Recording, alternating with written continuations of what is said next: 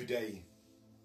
I greet you once again in the wonderful name of my Lord and my Savior, my Master, the King of Kings and the Lord of Lords, and His name is Jesus Christ. Today I want to share with you on the topic of forgiveness. The topic of forgiveness, and we will be reading from Matthew 6, verses 9 to 15. Pray therefore like this Our Father who is in heaven, hallowed be your name. Your kingdom come, your will be done on earth as it is in heaven.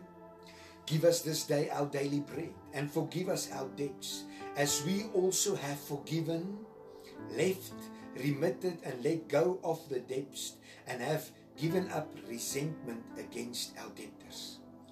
And lead, bring us not into temptation, but deliver us from the evil one. For yours is the kingdom and the power and the glory forever. Amen.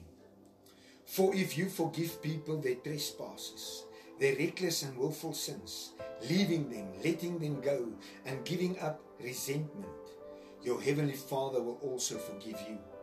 But if you do not forgive others their trespasses, their reckless and willful sins, leaving them, letting them go, and giving up resentment, neither will your Father forgive you your trespasses. From our scripture, it's clear. To forgive means to remit, to cancel, to erase, to let go. Giving up resentment, the indication of having been treated unfairly. To forget, not in existence anymore. Isaiah 43 25 reads as follows I, that's God, even I, God, am He who blots out and cancels your transgressions for my own sake, and I will not remember your sins. You see, to receive complete healing and restoration in your life, you need to be able to forgive. Even those who hurt you the most, the ones who disappointed you deeply, yes, even your backstabbers, even those that created hatred in your heart. If you want to receive God's complete forgiveness in your life, you will have to forgive. Can you confess today? I have to forgive. I want to remind you God is obligated to His word. That's why He is called the God of righteousness. And He, if He states to be forgiven, you need to forgive, then you need to forgive. You might say clearly, Yaku, now you're not thinking. You have no idea what people have done to me. You have no idea what I've been through. And you were definitely not part of my life's journey. You are talking of the impossible. I'm so glad you mentioned the impossible. Because with God, all things are possible. Matthew 19 26. With men, this is impossible. But all things are possible with God. And beside the fact that He is the God of the possible, you have a helper, you have a standby, the Holy Spirit. Can you recall uh, the message? Know Him? You see, our biggest problem is we carry grudges, we carry rage, malice, bitterness, aggression, unforgiveness in our hearts against those who did us wrong. We live with so much reproof against others, and we always play the blaming game. If they did not do that, if that did not happen, it's always them and it's always that, and it's never you and I. Forgiveness teaches us let it go. It's not in existence anymore. It teaches us to erase and to clear and to cancel and to forget.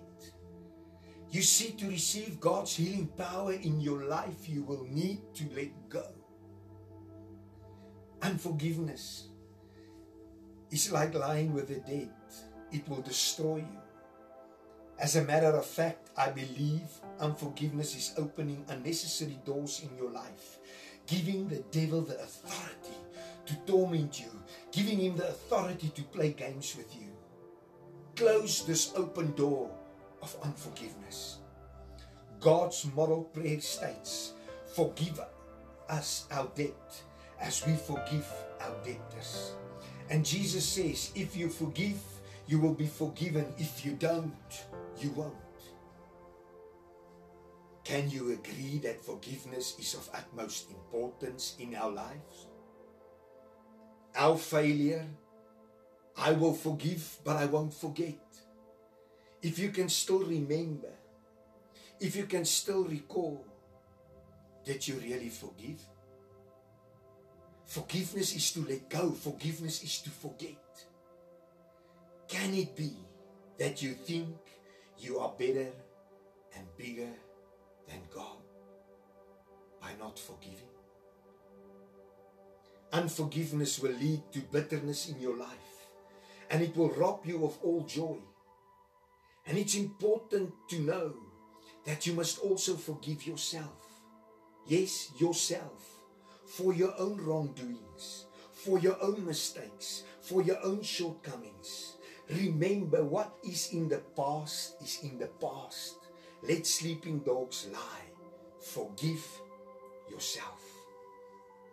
Last but not least, make peace with God for all the times you blamed Him, the bitterness you had toward Him, the reproof against Him, the disappointment you caused Him. Talk to Him, call it by name, ask forgiveness and let it go. God has forgiven you. Forgive those who sinned against you and forgive yourself. Don't allow unforgiveness to keep on stealing your joy. You have a standby to your assistance, the Holy Spirit, asking for guidance. May God bless you. May He rock your world and may you rock the world for God. Amen.